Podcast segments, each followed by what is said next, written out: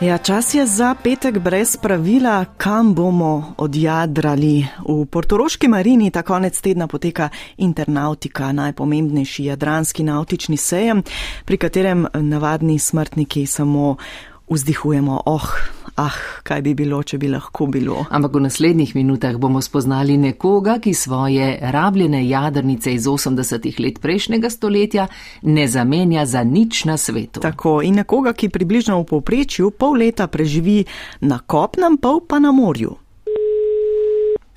Ja, halo. Dober dan, kako ste? Dobro, se slišimo?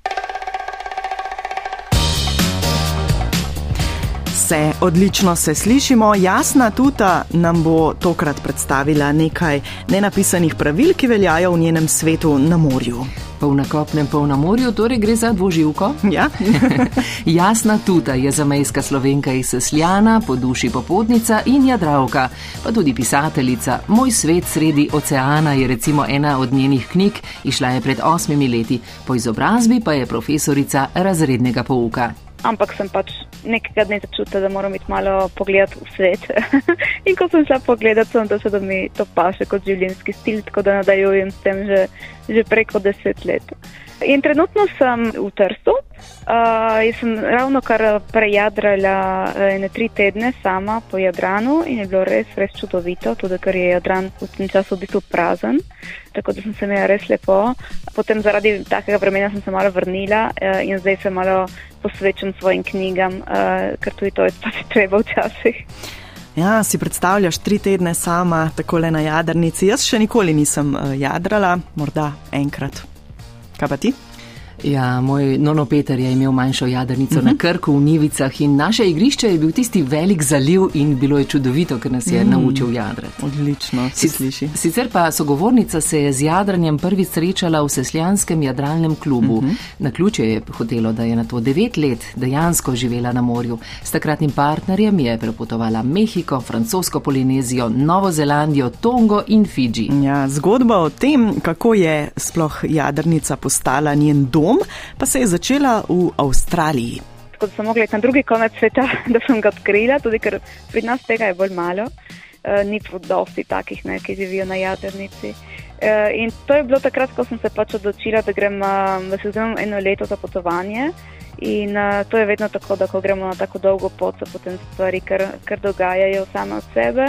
Tako se je meni zgodilo, pač, da sem videla, en, nekdo je pač iskal posadko za jadranje in uh, se mi zdela lepa ideja, da grem nekaj par, par dni jadrati tudi uh, na ocean. Uh, in potem bi se zgodilo tako, da sem, da sem se ukrcala na to jadrnico, da sem se kasneje zaljubljala v skiperje in da sem skupaj jadrala preko 8 let. Tako da je, uh, ja, te stvari se tako dogajajo uh, same od sebe malo. Kakšna zgodba, hm, zanimivo. Lepa. Ja, zelo. In a, zdaj, če si predstavljamo, ne, kako je živeti na jadrnici, na premikajočem se domu. Hm. Pravi, da na morju veljajo samo zakonitosti narave. Ma bi bilo dobro, če bi tudi na kopnem veljale ja. samo zakonitosti narave, Včasih, brez ne. tega. No. E, torej, te e, zakonitosti so veliko bolj preproste kot na kopnem. Uh mhm. -huh vsi mislijo, ne, da si lahko jadranje privoščijo samo vem, bogataši, v bistvu je obratno. Ne. E, jaz sem ugotovila, da na morju porabiš dosti, dosti manj kot na kopnem. In tudi zdaj, recimo, mislim, jaz, jaz porabim zdaj dvakrat, trikrat več, uh, ko sem na kopnem, kot ko jadram. Posebno, potem odvisno, kako jadraš. Ne. Uh, jaz se rajši sidram v kakšne zalivčke, kjer ni nikogar. In pa razen hrane, drugega ne porabim, ker imam sončne celice, ki mi dajo energijo vodo pač uh, imam, porabim malo, ker, ker pač se je treba naučiti tako malo uh, drugače upravljati z vodo. In, uh, in razen tega, v bistvu, ti imaš eno življenje res kot, kot en bogataš, tem, da denarnice skoraj sploh ne povečeš ven, dva, tri, štiri tedne. Mm, sliši se dobro, ne? Uh, torej, življenjski prostor morje uh, vsaj šest mesecev na leto, ne v poprečju, kot smo rekli. Um, danes večinoma jadra po Jadranu prireja tečaje in izlete, na svojo jadrnico pa lahko sprejme tam nekje največ deset ljudi in si predstavljaš en teden z desetimi na jadrnici. na parih kvadratih. Ja, se morajo res razumeti in spoštovati in upoštevati. Skratka, te lepe vrline morajo imeti človeške. Ne? Predvsem, ja. No, kar seveda pomeni tudi sprejemanje kompromisov, ko je toliko ljudi na tako majhnem prostoru. Zato je popolnoma razumemo, ko pravi, da se na jadrnici najbolje počuti, ko je sama. Pravi pa tudi, da se na morju počuti bolje kot na kopnem, v stanovanju naprimer. Seveda pač ne morem imeti neskončno dosti stvari na njem, pač to je en kompromis, ne, ki meni na drugi strani dobim toliko nazaj, da se mi zdi, da je to res majhen kompromis, da, da pač ne morem imeti ne vem, ne vem kaj vsega s sabo. Imam svojo jadrnico, ki je uh, v bistvu zame kar velika, je večja kot tista, s katero sem jadrala po Pacifiku. Sem pa ugotovila, da je to ravno pravšnje, imam 12 metrov dolgo, to je ravno prav, da tudi sama zmorem vse uh, na njej. Tako, ne, imam, sem lahko sama, lahko imam 10 ljudi na njej, tako da je prav ta mira prav perfektna. No. Kako velika je bila tista od tvojega nonota? Ja, ne, to je bila manjša jadrnica, šestmetrska, ampak za otroke za učenje fantastična. Verjamem. No in eh, če smo na začetku ne omenjali eh, internautiko in eh, tisti paradni program z novimi ekskluzivnimi jadrnicami, tudi njena jadrnica ima že kar nekaj prevoženih valov za sabo. Pravi, da so po njenih izkušnjah v 80-ih delali najboljše jadrnice. No, pa zanimivo je tudi to, ne, da pač nekaj stvari imaš lahko na jadrnici. Ne. Kako je preživela brez brez tistih 82.572 stvari, ki jih imamo s sabo in ki mislimo, da jih potrebujemo. Očitno se da, ne? Očitno se da. Očitno se da uh -huh. in Mhm. to zelo dobro. Ja. No, še nekaj smo vprašali jasno tudi, kaj je bolj pomembno, dobra jadrnica ali dober skipper, torej vodja posadke. Mislim, da je uh, jadrnica bolj pomembna kot skiper. uh, dobra jadrnica preživi tudi slabega skiperja, medtem ko dober skiper slabo jadrnico ne prije daleč. Ja, če bi morala izbirati, bi raje uh, do, boljšo jadrnico kot slabega skiferja. Najbolje pa oboje. Dobro. Ja, to, to pa je najbolje. Ja. Uh, no, in kaj pa je v bistvu sploh dobra jadrnica? Ne? Te, ki jih vidimo po Jadranu, so večinoma namenjene samo za krajše plovbe, dober skipper si z njimi ne bi upal na ocean, pravi. Uh, jadrnica, ki po mojem mora biti dobra, je taka, da, da če pride najhujše, se ti lahko vse zapreš, greš noter in lahko pride konc sveta in jadrnica se lahko obrne naprej in nazaj, kakorkoli in se ne, ne potone. Ne? Ampak to tudi pomeni, pač, da je draga. Ne? Uh, ampak ne sme, recimo se ne sme zgoditi, da ti lahko odpade kobilica, kar se kakšnim jadrnicam danes dogaja.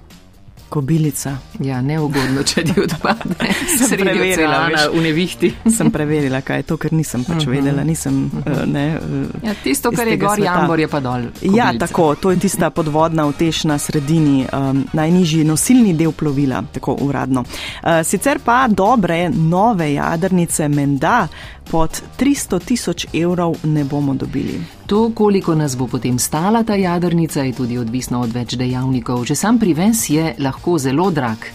Nenapisano pravilo pa je, da nas jadrnica na leto stane 10 odstotkov svoje cene. Mhm, Dobro, čeprav, če gledaš um, cene nepremičnin, ne, je 300 tisoč evrov takole, da zamenjaš na mesto enega stanovanja v Ljubljani, kar uh, se kar dobro sliši, ne, sam, ko bi le bilo samo 300 tisoč evrov. Ja, še posebej za tistega, ki ima samo plačo. Ja, tako.